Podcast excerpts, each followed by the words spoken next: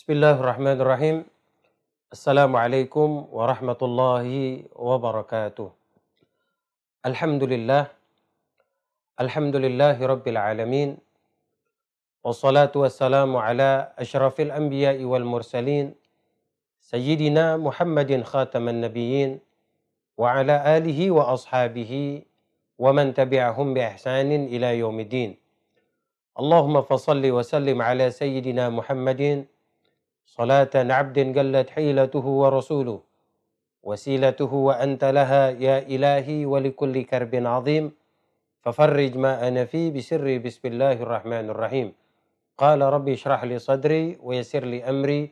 وحلل عقدة من لساني يفقه قولي أما بعد.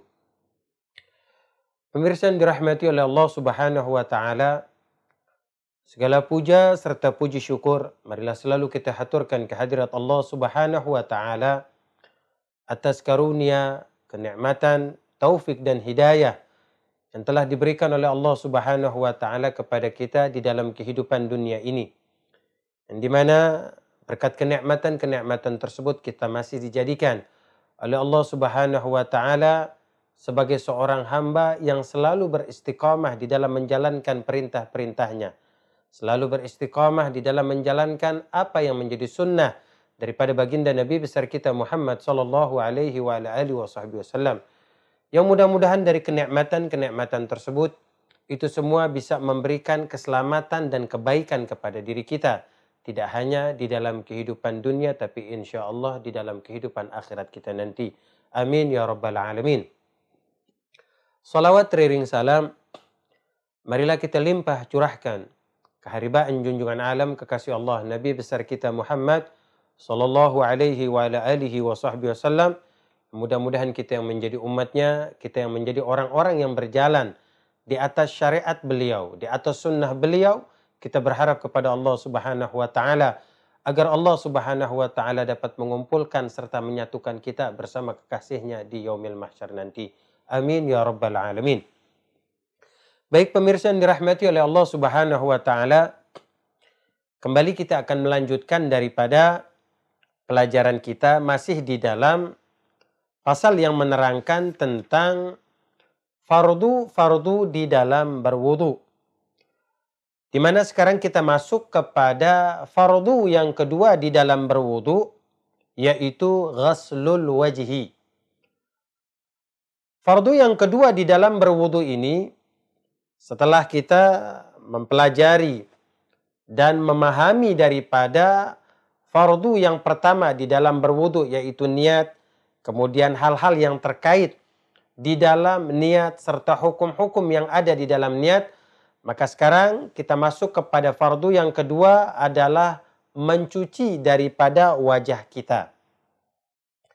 Dikatakan bahwa al-wajhu di sini yang di mana wajib bagi kita hukumnya untuk kita basuh, untuk kita cuci ketika kita berwudu itu memiliki had. Ya, memiliki had di sini maknanya memiliki batasan. Dari wajah kita ada batasan-batasan wajib yang di mana ini dikatakan sebagai batasan wajib karena pada bagian wajah tersebut wajib terbasuh oleh air dan tidak ada sesuatu yang menghalangi sampainya air kepada pori-pori kulit yang ada pada wajah kita.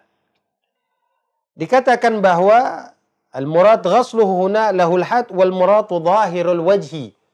Jadi maksudnya adalah zahirul wajah di sini adalah wajah yang tampak ataupun terlihat pada wajah kita yang di mana wahadduhu tulan ma baina manabit sya'ri ra'si. Jadi batasan panjang eh, ukuran panjang pada wajah kita itu batasannya adalah mulai dari manabiti sya'ri ra'si. Mulai dari tempat tumbuhnya rambut ghaliban secara umum. Ya. wa akhiruhu lihyaini dan kemudian sampai kepada lihyain atau kita sebut juga dengan dagu. Jadi panjangnya wajah kita, batasan yang wajib bagi kita untuk kita basuh, untuk kita cuci dengan air ketika kita berwudu adalah dimulai dari tempat tumbuhnya rambut sampai dengan dagu kita. Wa ordan kemudian lebarnya daripada wajah kita adalah ma baina udunai di antara kedua telinga kita. Jadi panjangnya mulai dari tempat tumbuhnya rambut sampai dengan dagu, kemudian lebarnya adalah di antara kedua daripada telinga telinga kita. Nah, makna daripada kemudian makna daripada al-lihyain di sini. Lihyain atau kita sebut juga dengan dagu di sini. Adalah huma azaman. Yang dinamakan dengan lihyain di sini adalah dua tulang. Artinya dua tulang tempat pertemuan daripada dua tulang rahang. Alladani tanbutu alaihim al-asnani sufla yang di mana dua tulang tempat tumbuhnya gigi kita nih. Gigi geraham kita, gigi yang berada di di bawah. Jadi antara tulang yang sebelah kanan dengan tulang yang sebelah kiri dipertemukan di tengah-tengah. Nah, inilah yang disebut dengan lehyain tadi atau kita sebut juga dengan dagu. Dan al-muallif mengatakan bahwa dinamakan dengan wajah sumyal wajhi ya, biwajhan wajah itu dinamakan sebagai wajah liwuqu'il muwajatuh muwajahatun fi. Jadi dinamakan wajah itu karena wajah ini dipergunakan untuk menghadap. Makanya dinamakan dengan dengan wajah, muwajah. Ya, jadi wa kullu syai'in quluhu atulu min ardhihi illa alwajhi. Jadi segala sesuatu yang ada di anggota tubuh kita ini kalau kita mau mengukur daripada bentuknya rata-rata semua itu lebih panjang. Lebih panjang. Ya. Jadi panjangnya itu lebih ketimbang lebarnya. Kecuali wajah. Tangan kita lihat, kita bisa melihat pada tangan kita. Tangan itu ukuran panjangnya jelas. Lebih panjang, ukuran lebarnya itu hanya sedikit. Kaki kita seperti itu juga. Panjang ukurannya, kemudian lebarnya itu hanya sedikit. Nah, para ulama mengatakan di sini illal wajhi kecuali wajah. Fatuluhu shibir bi shibri yadun sahibuhu. Jadi panjangnya wajah kita itu disesuaikan dengan ukuran satu jengkal tangan orang yang memiliki wajah tersebut. Jadi kalau kita mau ukur wajah kita, itu jadi wajah kita itu panjangnya itu satu jengkal. Satu jengkalnya siapa yang kita pergunakan? Yaitu satu jengkalnya tangan orang tersebut. Ya, tangan orang yang memiliki wajahnya. Itu panjangnya. Dan lebarnya itu shibir wanis. Satu jengkal setengah. Itu lebarnya. Lebarnya wajah, saya ulangi. Itu satu jengkal setengah disesuaikan dengan tangan orang yang memiliki wajah tersebut. Jadi nanti satu masa, satu waktu kita boleh mencobanya. Itu kira-kira panjang wajah saya sampai nggak satu jengkal. Kemudian lebarnya itu bisa nggak sampai kepada satu jengkal setengah. Umumnya rata-rata seperti itu. Dan disesuaikan dengan uh, telapak tangan daripada orang yang memiliki wajah tersebut. Kemudian al-aslu fil ghaslil wajhi daripada apa yang Allah Subhanahu wa taala sebutkan di dalam firman-Nya. Eh, dalam ayat Al-Qur'an dikatakan a'udzubillahi minasyaitonir rajim Ya ayyuhalladzina amanu idza qumtum ila salati faghsilu wujuhakum. Ya, di sini Allah Subhanahu wa taala menegaskan kepada kita orang-orang yang beriman ya, apabila kita ingin mendirikan salat maka hal pertama kali yang kita lakukan di dalam berwudu adalah faghsilu wujuhakum. Untuk mencuci daripada wajah kalian. Nah, kemudian ayat ini walaupun ayat ini uh, dikatakan sebagai ayat madaniyah, perintah di dalam berwudu, syariat di dalam berwudu, di mana Allah Subhanahu wa taala telah turunkan terlebih dahulu kepada Nabi Shallallahu alaihi wasallam ketika beliau masih berada di kota Makkah fi awwali bi'tati, ketika di awal kenabian beliau. Nah, ayat ini dikatakan sebagai ayat madaniyah, akan tetapi Allah telah mensyariatkan daripada perintah untuk berwudu ini ketika baginda Rasulullah masih berada di kota Makkah pada saat awal kenabiannya. haitsu 'allama Jibril alaihi salatu wassalam yang di mana Allah Subhanahu wa taala memerintahkan kepada malaikat Jibril untuk mengajarkan kepada baginda Rasulullah wasallam al-wudu. Bagaimana cara berwudu wa bihi rak'atain. Kemudian mengajarkan salat dua rakaat. Wa huwa 'allamahu li sayyidatina Khadijah dan kemudian diajarkan kembali eh, kepada istri beliau yaitu Sayyidatina Khadijah binti Khuwailid radhiyallahu anha. Wa shalla biha wa hiya awwalu man aslama dan salatlah bersama Nabi dan Sayyidatina Khadijah adalah seorang wanita eh, yang pertama kali masuk Islam dan juga dikatakan awalu man shalla ma'an Nabi sallallahu alaihi wasallam dan dia adalah seorang wanita yang pertama kali salat bersama Nabi sallallahu alaihi wasallam. Kemudian wa madzakara min al-haddil wajhi eh, ketika kita sudah membahas sedikit daripada batasan wajah dan kemudian perintah yang Allah Subhanahu wa taala perintahkan kepada kita di dalam Al-Qur'an. Maka wajib bagi kita ketika kita berwudu di mana diwajibkan bagi kita harus mencuci daripada wajah kita basharan wa sya'ran zahiran wa batinan.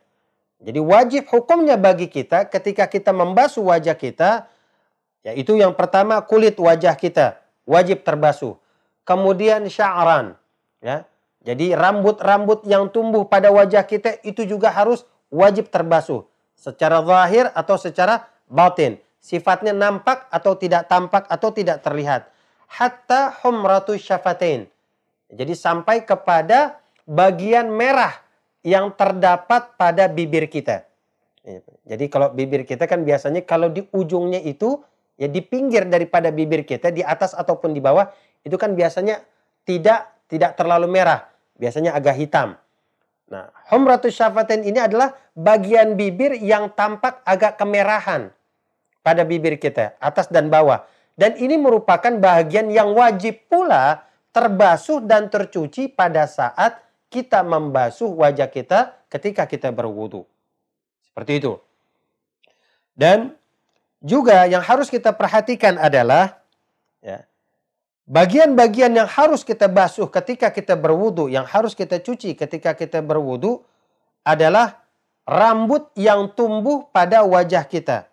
Ya, walaupun rambut tersebut tebal, walaupun rambut tersebut jumlahnya banyak, illa kecuali sya'rul lihyain wal 'aridain kecuali rambut yang tumbuh pada dagu kita atau disebut dengan jenggot dan kemudian ariden. Ariden itu rambut yang tumbuh pada tulang rahang kita nih. Di kedua sisi pada tulang rahang kita. Kalau andai kata rambut tersebut banyak, eh, katif, nah ini mendapatkan penyu, pengecualian di sini. Itu bagi mereka uh, seorang laki-laki.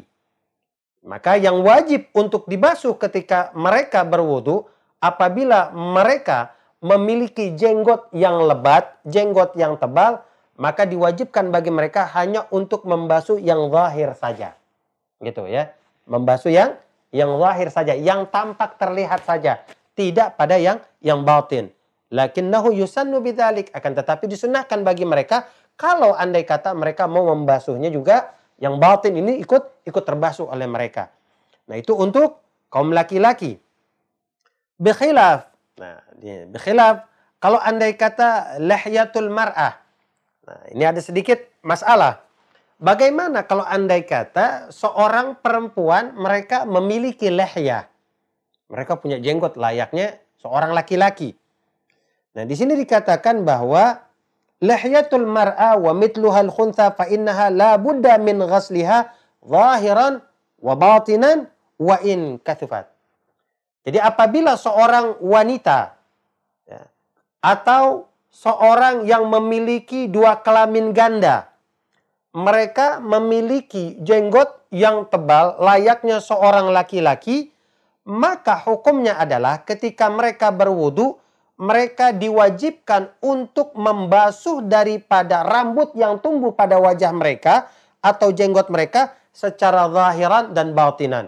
Baik yang tampak dan terlihat ataupun yang tidak tampak dan terlihat itu wajib terbasuh dengan air ketika mereka berwudu. Kenapa kok berbeda hukumnya dengan seorang laki-laki? Seorang laki-laki apabila mereka berjenggot dengan jenggot yang lebat gitu, dengan jenggot yang tebal, mereka hanya diwajibkan untuk membasuh yang zahirnya saja, mencuci yang zahirnya saja, tidak yang batinnya. Nah, berbeda dengan perempuan. Kalau perempuan dia sampai berjenggot, dia memiliki lehya yang begitu banyak, maka diwajibkan bagi mereka untuk membasuhnya zahir wa batin. Itu yang tampak dan yang tidak tidak tampak. Karena apa? Linadrati dzalik. Karena jarang. Ya, karena ja, jarang seorang wanita sampai memiliki apa namanya jenggot yang yang begitu lebat, yang begitu banyak layaknya seorang seorang laki-laki. Wali annaha juga makmura inda idin bi izalatiha. Tuh, karena apa? Ya, karena diharuskan pada akhirnya untuk apa? Untuk bi izalatiha, untuk di, dihilangkan. Karena apa? Ya seorang wanita dia berjenggot layaknya laki-laki, satu hal yang nggak umum gitu ya, satu hal yang nggak umum, satu hal yang nggak pantas, ya tampak terlihat apabila itu ada pada diri seorang wanita. Makanya dikatakan wali annaha makmura inda idin bi izalatuha. Jadi untuk di, dihilangkan ya, rambut-rambut tersebut ya, dengan di, dicukur, dipotong dan lain sebagainya. Nah, kemudian kita kembali lagi ya, bahwa tadi kewajiban bagi kita ketika kita membasuh daripada wajah kita nah, adalah di mana kita harus memastikan semua bahagian yang ada pada wajah kita itu terbasuh dengan sempurna. Kita bisa memastikan dan kita meyakini bahwa air tersebut benar-benar masuk ke dalam pori-pori kulit wajah kita dan tidak ada sesuatu yang dapat menghalangi masuknya air kepada pori-pori kulit wajah kita. Kalau andai kata kita berjenggot, nah keterangannya sudah disampaikan tadi. Baik bagi seorang wanita ataupun bagi seorang laki-laki di sini. Nah, kemudian juga eh, di sini disebutkan oleh para ulama tentang uh, adadus syu'ur, ya, tentang uh, jumlah yang uh, terdapat pada wajah kita, jumlah rambut, uh, syu'urul wajhi, jumlah rambut yang terdapat pada wajah kita. Ya, karena kalau kita mau melihat uh, berapa sih gitu ya. Kira-kira jumlah rambut yang ada pada wajah kita. Sebagian mengatakan bahwa jumlah rambut yang ada pada wajah kita itu kurang lebih sekitar ada 20. Ada dua, 20 jumlahnya. Ya, yang pertama, di sini dikatakan oleh para ulama, yang pertama adalah ghamam. Ya. Ghamam itu adalah rambut yang tumbuh di dahi kita. Ya, rambut yang biasa tumbuh di dahi kita, nah itu namanya ghamam. Ya. Kemudian al-hajiban. Al-hajiban berarti dua. Ya. Alis. Alis sebelah kanan dan alis sebelah kiri. Nah, itu rambut yang kedua. Kemudian yang ketiga adalah khadan. Rambut yang tumbuh, khadan itu adalah rambut yang tumbuh di pipi disesuaikan dengan nama tempat tumbuhnya. Khad. Khat itu kan artinya apa? Pipi. Itu. Jadi kalau rambut yang tumbuh di pipi itu namanya khadan, baik pipi kanan ataupun pipi pipi kiri. Biasa kan kalau ada orang dia berbewok itu suka ada rambut yang tumbuh di pipinya. Kemudian sibalan. Nah, sibalan itu adalah rambut yang tumbuh di ujung kumis. Ya, jadi sibalan itu adalah rambut yang tumbuh di ujung kumis. Eh, pada ujung kumis kita nih Nah, itu namanya sibalan. Kemudian aridan. Aridan di sini adalah rambut yang tumbuh bagian bawah telinga hingga dagu. Jadi dari bawah telinga kita sampai dengan dagu kita itu disebut dengan aridan. Kemudian idharan. Idharan adalah rambut yang tumbuh di antara kepala Rambut yang tumbuh di antara kepala dan cambang yang sejajar dengan telinga. Di antara kepala ya dan apa? Dan cambang kita yang sejajar dengan dengan telinga kita. Itu namanya i'dharan. Jadi dari dari atas sampai dengan ujung telinga kita itu beda namanya. Kemudian dari ujung telinga kita sampai dengan dagu itu juga beda namanya pada akhirnya. Jadi tidak dipukul rata satu nama, tidak i'dharan dan aridan. Seperti itu. Pada akhirnya di ujungnya nanti namanya ada lagi. Itu tidak aridon itu secara keseluruhan. Ya, di ujung nanti namanya lehya. Itu. Ya, jadi segaris ini saja, ya satu garis ini saja itu memiliki tiga nama. Ya, memiliki tiga nama pada rambut yang tumbuh di di wajah kita. Kemudian al-ahdabul arba'ah. Kemudian bulu mata. Ya, bulu mata itu jumlahnya empat. Ya, bulu mata sebelah kanan atas bawah, bulu mata sebelah kiri ya, atas bawah. Jadi jumlahnya ada empat. Kemudian lehya. Ini lehya. Jenggot. Atau kita sebut juga dengan jenggot. Kemudian syarib. Kumis. Ya. Jadi kumis hanya sampai ujung doang. Nanti ujungnya bukan bukan kumis lagi namanya. Ya. Kemudian anfakah. Ya, anfakah itu adalah rambut yang tumbuh di bawah bibir. Rambut yang tumbuh di bawah bibir kita. Kalau di bawah bibir uh, apa namanya? Sini ya, di bawah bibir kita nih. Jadi dia ada di bibir sebelah kanan nih, sebelah kanan dan sebelah kiri di bawah. Nah itu kan suka tumbuh tumbuh rambut. Nah itu namanya adalah anfaqah. Kemudian nafa, nafakatan. Nafakatan masih ada di dalam barisan bawah bibir. Yaitu rambut di bawah bibir di antara anfaqah. Jadi dari ujung bibir kita nih, ya, ujung sebelah kanan dan ujung sebelah kiri, apabila tumbuh rambut di bawah bibir kita, itu namanya anfaqah. Tetapi tidak sampai menyambung. Karena apa? Karena di tengah-tengahnya kan suka ada rambut di tengah-tengahnya sini. Nah itu di tengah-tengah ini dinamakan nafakatan. Itu ya, rambut yang tumbuh ya di tengah-tengah di bawah bibir bibir kita. Ya kalau dengan bahasa Indonesia eh, apa namanya ya eh, belum ada nama yang baku untuk penyebutan daripada rambut yang tumbuh di bawah di bawah bibir kita. Nah itu yang disebut dengan nafakatan. Jadi jumlah rambut uh, yang terdapat uh, pada wajah kita pada akhirnya bisa kita ketahui yaitu berjumlah 20 di sini. Eh, yang di mana rambut-rambut tersebut apabila dia tumbuh dan berada pada batasan wajib yang terdapat pada wajah kita, maka wajib pula hukumnya bagi kita untuk kita basuh ketika kita berwudu. Ya, kerja bidali kalau andai kata rambut-rambut tersebut sampai keluar daripada batasan batasan wajah. Tetapi selagi rambut tersebut berada di dalam lingkaran batasan wajah, walaupun tebal sekalipun, walaupun tebal sekalipun, tetap berkewajiban bagi kita untuk kita basuh ketika kita berwudu. Pengecualiannya adalah lehya wal aridain. Nah, itu pengecualiannya itu. Pengecualiannya ada dua, yaitu jenggot dan rambut yang tumbuh di bahagian tulang rahang kita, sebelah kanan ataupun sebelah sebelah kiri. Nah, kemudian yang harus kita perhatikan juga ketika kita berwudu dan ini juga termasuk di dalam uh, apa namanya uh, hal yang disunnahkan uh, bagi kita untuk kita berwudu adalah di mana wa yusannul ghaslu wajhihi biyadaihi ma'an. Di mana disunnahkan bagi kita untuk mencuci wajah kita dengan menggunakan kedua tangan kita. Jadi mencuci wajah kita dengan menggunakan kedua tangan kita. Wa kadzalikal ibtida' min a'lal wajhi dan kita memulainya, memulai daripada basuhan tersebut, kita mulai dari a'la. Ketika kita mengambil air, kemudian kita letakkan air tersebut di atas ini.